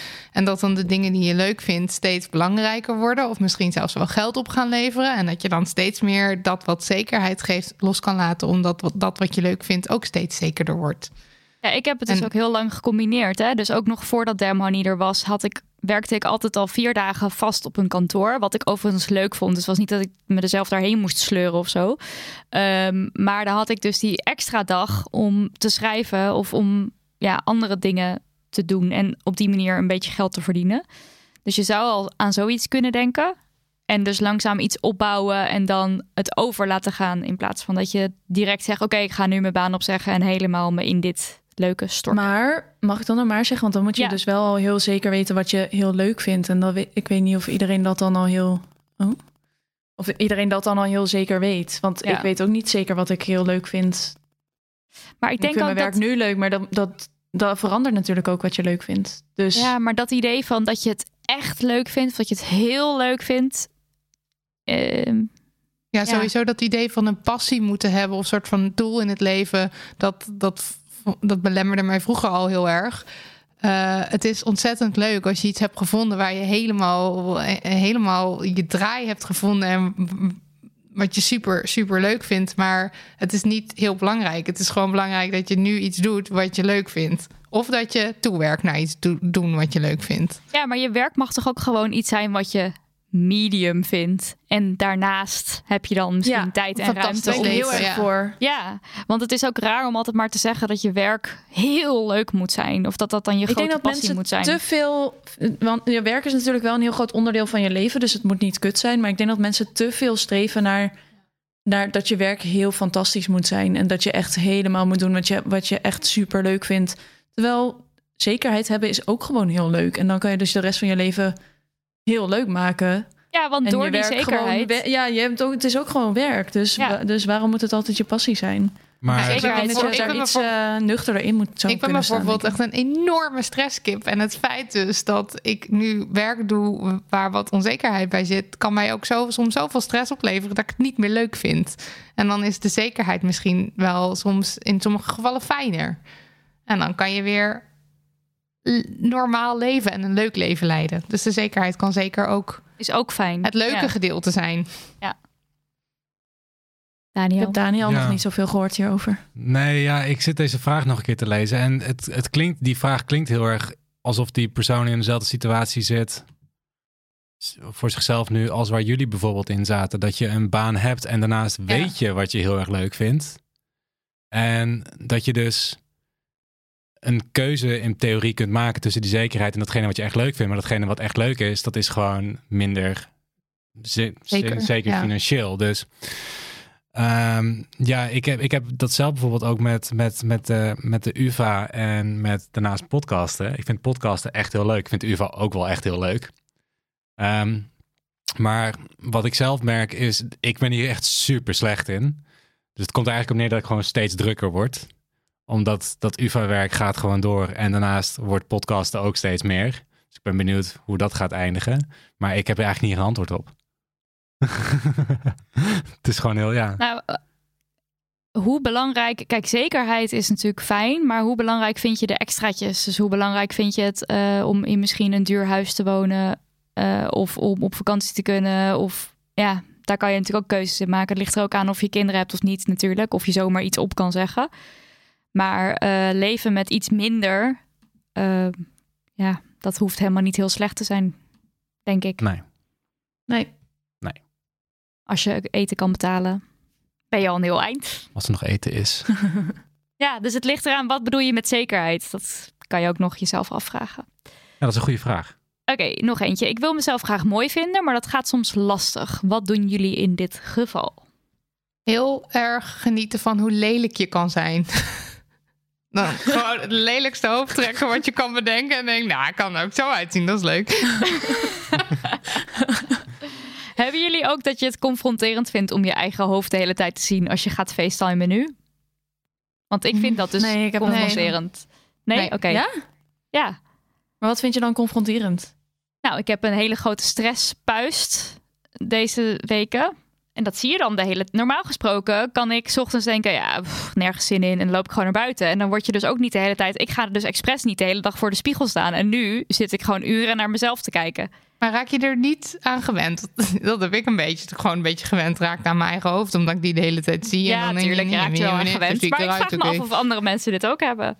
Dat je denkt van, oh... Ik vind het Ik stom van mezelf, naar maar het is mezelf niet. als ik aan het facetimen ben.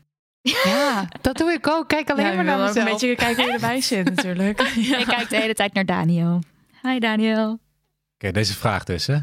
Ja, Ja, ik wil mezelf graag mooi vinden, maar dat gaat soms lastig. Wat doen jullie in dit geval?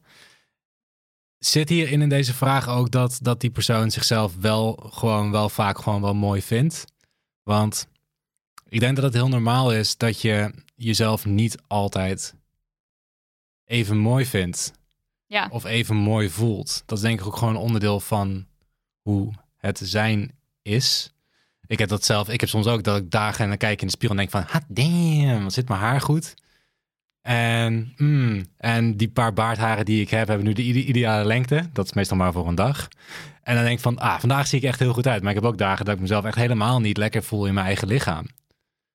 En dat het, dat het mezelf niet zo mooi voel. Dus, dus ik de denk, druk er een beetje afhalen zou je dan ja, zeggen. ik zou, ik zou vooral niet, niet denken dat je jezelf altijd mooi moet vinden. Nee, ja, daar, daar heb je. Maar dat is ook weer dat, dat, dat, die discussie over body positivity en body neutrality.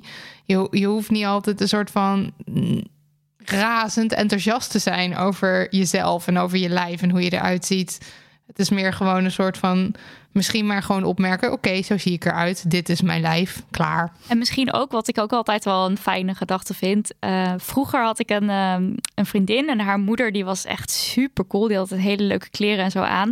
En die zei altijd van, meiden, waarom dragen jullie nou geen korte rokjes? Want eh, eh, op mijn leeftijd vind ik dat niet mooi meer. Hadden jullie dat, doen dat, doe dat nou, nu dat nog kan. En ik weet niet of jullie dat herkennen, maar dat als je foto's van jezelf van vroeger ziet, dat je dacht van, oh, maar eigenlijk was ik gewoon best wel een heel leuk mens. Altijd. En toen vond ik mezelf een lelijk stom mens. Dus een soort van die relativering van we worden allemaal ouder. En weet je wel, over tien jaar denk je, zag ik er nog maar uit als toen ik 30 was, of toen ik 20 was, of toen ik 15 Dus je was. Je moet eigenlijk vanuit de toekomst naar jezelf kijken nu. Ja, Ja, mooi gezegd. Transcendentie. in Damn Honey hebben we ook een stukje over ehm, probeer te denken aan wat jouw lichaam kan. Dus jouw lichaam kan misschien heel erg lachen om een grap. Of ehm, de, de, de, wind, eh, de wind voelen. Of er zijn heel veel dingen die jouw lichaam kan. Wat helemaal niks te maken heeft met je uiterlijk. En wat fijn is om, om daar even wat meer aandacht op te richten. Op het moment dat je denkt, oh, die puis, die stresspuis, lelijk. Dat je dan denkt van, oh, maar dit voelt wel heel lekker. wel, ja. Of dit, het, het- draagt me inderdaad het, mijn leven door. En daar moet ik Ja. eigenlijk super dankbaar voor zijn. Dat, het, eh, Dat ik een lijf dat, heb. dat het dat doet en dat, dat dat, er ik dit allemaal kan dingen- ervaren. Ja. Ja. Oké, nog een levenskwestie. Nou, hebben we gecoverd. Ehm, de traditionele even- rollen. Oh, Ja, zeg maar. Ja, cadeau. Breek in. nee, ik zag een leuke vraag staan. Zal ik deze doen, dat jij daarna de leuke vraag Ja, doet? Oké. ja, is goed. De, de, de traditionele rollen in mijn relatie die zijn heel erg omgedraaid. Ik ben de hoofdverdiener in mijn relatie. Degene die hoger opgeleid is en ook ambitieus is. En dat is in onze relatie helemaal geen discussiepunt. Ik werk bijvoorbeeld meer dan mijn vriend en doe nog een masteropleiding ernaast. Hij doet daarom thuis een stapje meer in het huishouden. En hij is er eerlijk gezegd ook beter in dan ik, staat erbij. Maar toch merk ik bij anderen dat, dit nog heel, dat zij dit nog heel raar vinden. Ook dat wij al besproken hebben dat als wij kinderen mochten kunnen krijgen, hij meer thuis zou zijn dan ik. Ik ben benieuwd hoe jullie met die meningen om zouden gaan. Ja, dat vind ik eigenlijk wel een vraag voor jullie. Want wij, wij zijn lesbisch, dus wij hebben al niet heel erg traditionele rolpatronen, denk ik. Niemand verwacht iets van ons. Wat natuurlijk wel een heel prettige bijkomstigheid is. Ja, Ja, word heel chill. lesbisch. Ja. Word lesbisch is de eerste tip. Eigenlijk is mijn algemene tip over mensen die meningen hebben. Laat mensen die toch alsjeblieft die meningen hebben. En probeer je er echt zo min mogelijk van aan te trekken. Toch anything. Gewoon Ja. over dit soort dingen. Maar over Ja. wel of geen kinderen. eh, over wel of niet eh, die baan houden. Waardoor je zekerheid hebt. Of voor, je, voor je, wat je leuk vindt gaan. Al die dingen. Daar hebben mensen allemaal meningen over. Mhm. Maar ook daarvan denk ik dan, als jij eh 60, 70, misschien wel 80 bent, waar, waar hecht je dan het meeste waarde aan? Dat je denkt van, oh, had ik nou maar naar die mensen geluisterd? Of dat je je eigen pad hebt kunnen trekken? Ja, precies.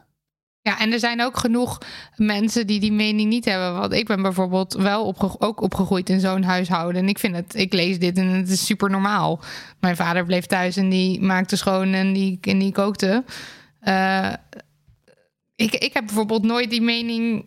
Ik heb, ik heb dat nooit als raar ervaren of ervaren dat mensen dat raar vonden.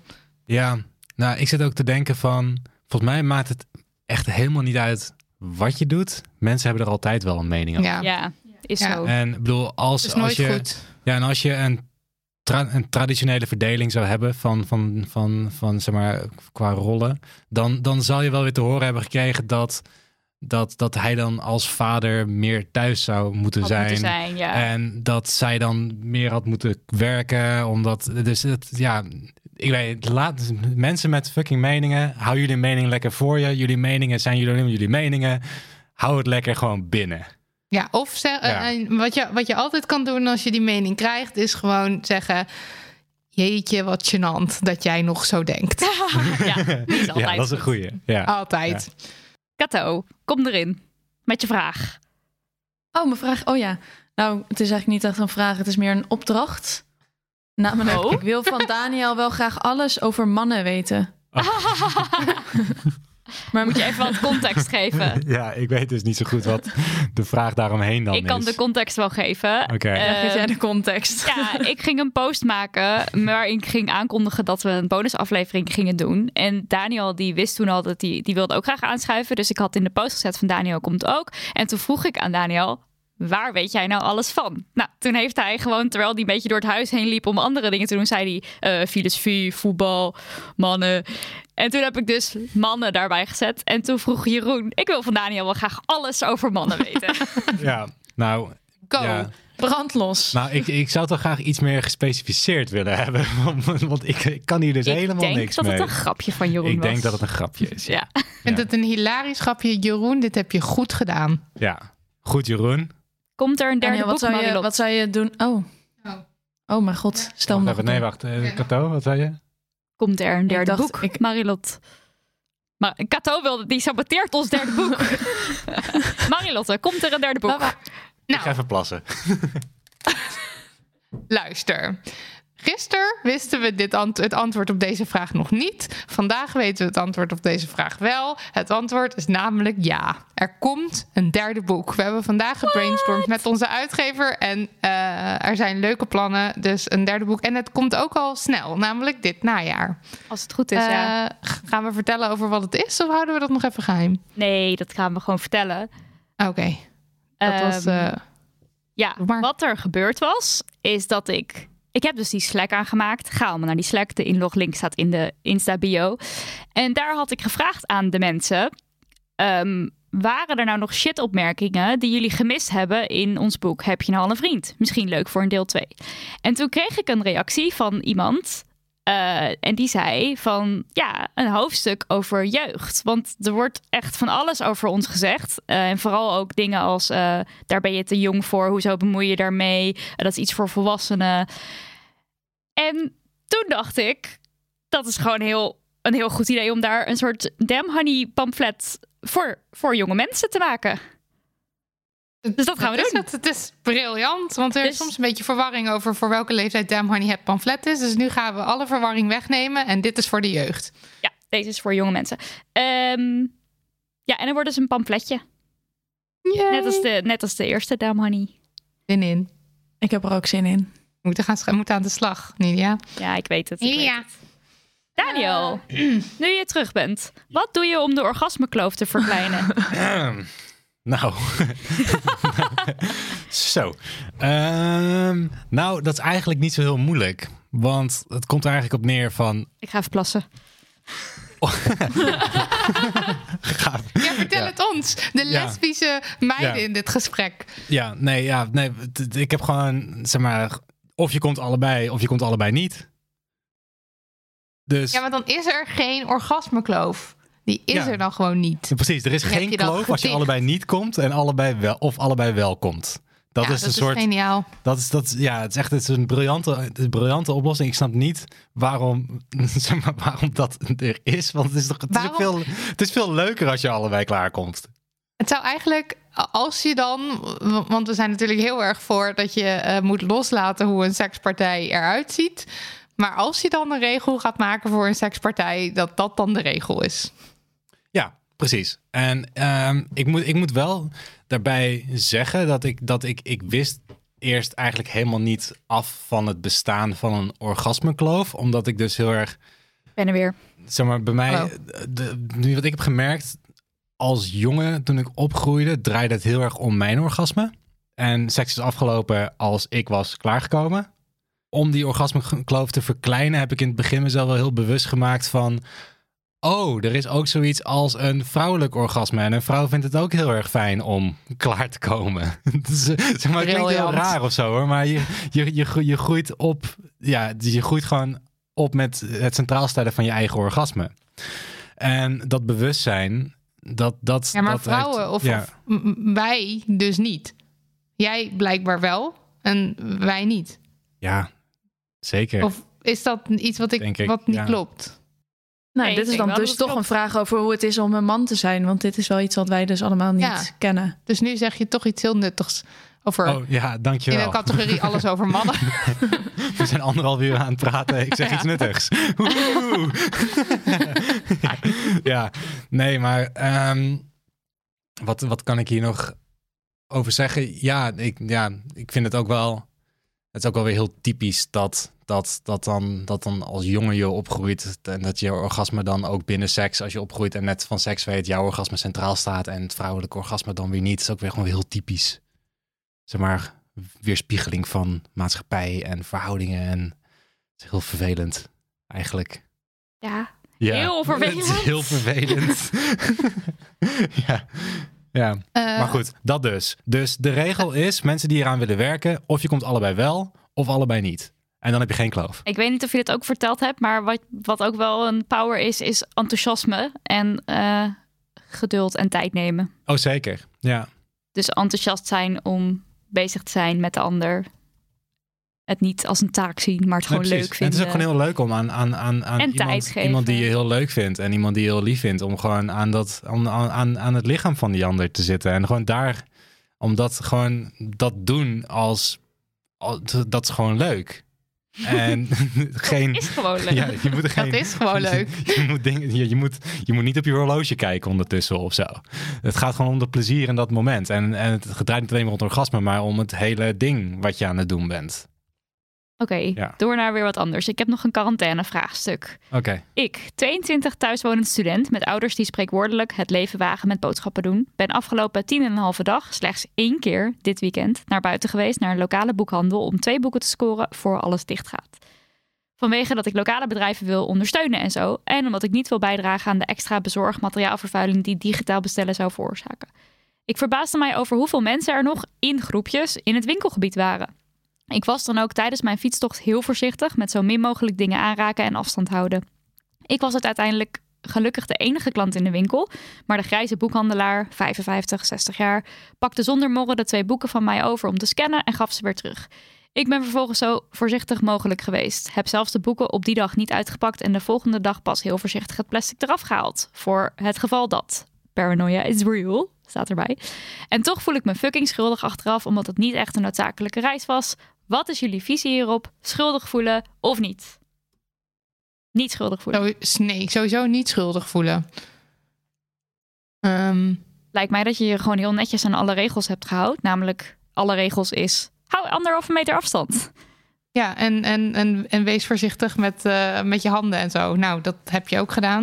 Je hebt En als je ja, zelf geen je klachten alles hebt, gehouden. Ja, Dan is het ehm, prima. En En ik denk dus ook, heb je sowieso niks, toch? Dus- Nee. Dus, voel je gewoon niet schuldig. En die mentale gezondheid, die is ook heel belangrijk om in gedachten te houden. Dus ook voor mensen die dus eh, naar buiten gaan om te wandelen. Kijk, ga niet in een groep en ga niet langs iemand lopen dichtbij. En ga niet eh, hoesten in je hand en vervolgens alle eh, paprika's bevoelen in de supermarkt. maar als jij er even buiten wil lopen en het helpt jou om de dag door te komen. Want het is ook gewoon een zware, vervelende, moeilijke, angstige tijd voor heel veel mensen. Hoe hebben jullie zulke leuke partners gevonden? Ja, ik ga er even goed voor zitten. Hè? Wat een compliment. Bedankt, vraagsteller. Ze zit hier helemaal stralend tegenover me. Maar is, maar is dit een vraag aan Nidia en Marilotte of aan ons, Kato? Ja, dat is... eh, hey. ik ga er Misschien aan ons dat allemaal. ons is, ja. Ja, misschien aan ons allemaal. Je loopt Nou, per Kato, heb ongeluk jij zo'n leuke partner gevonden?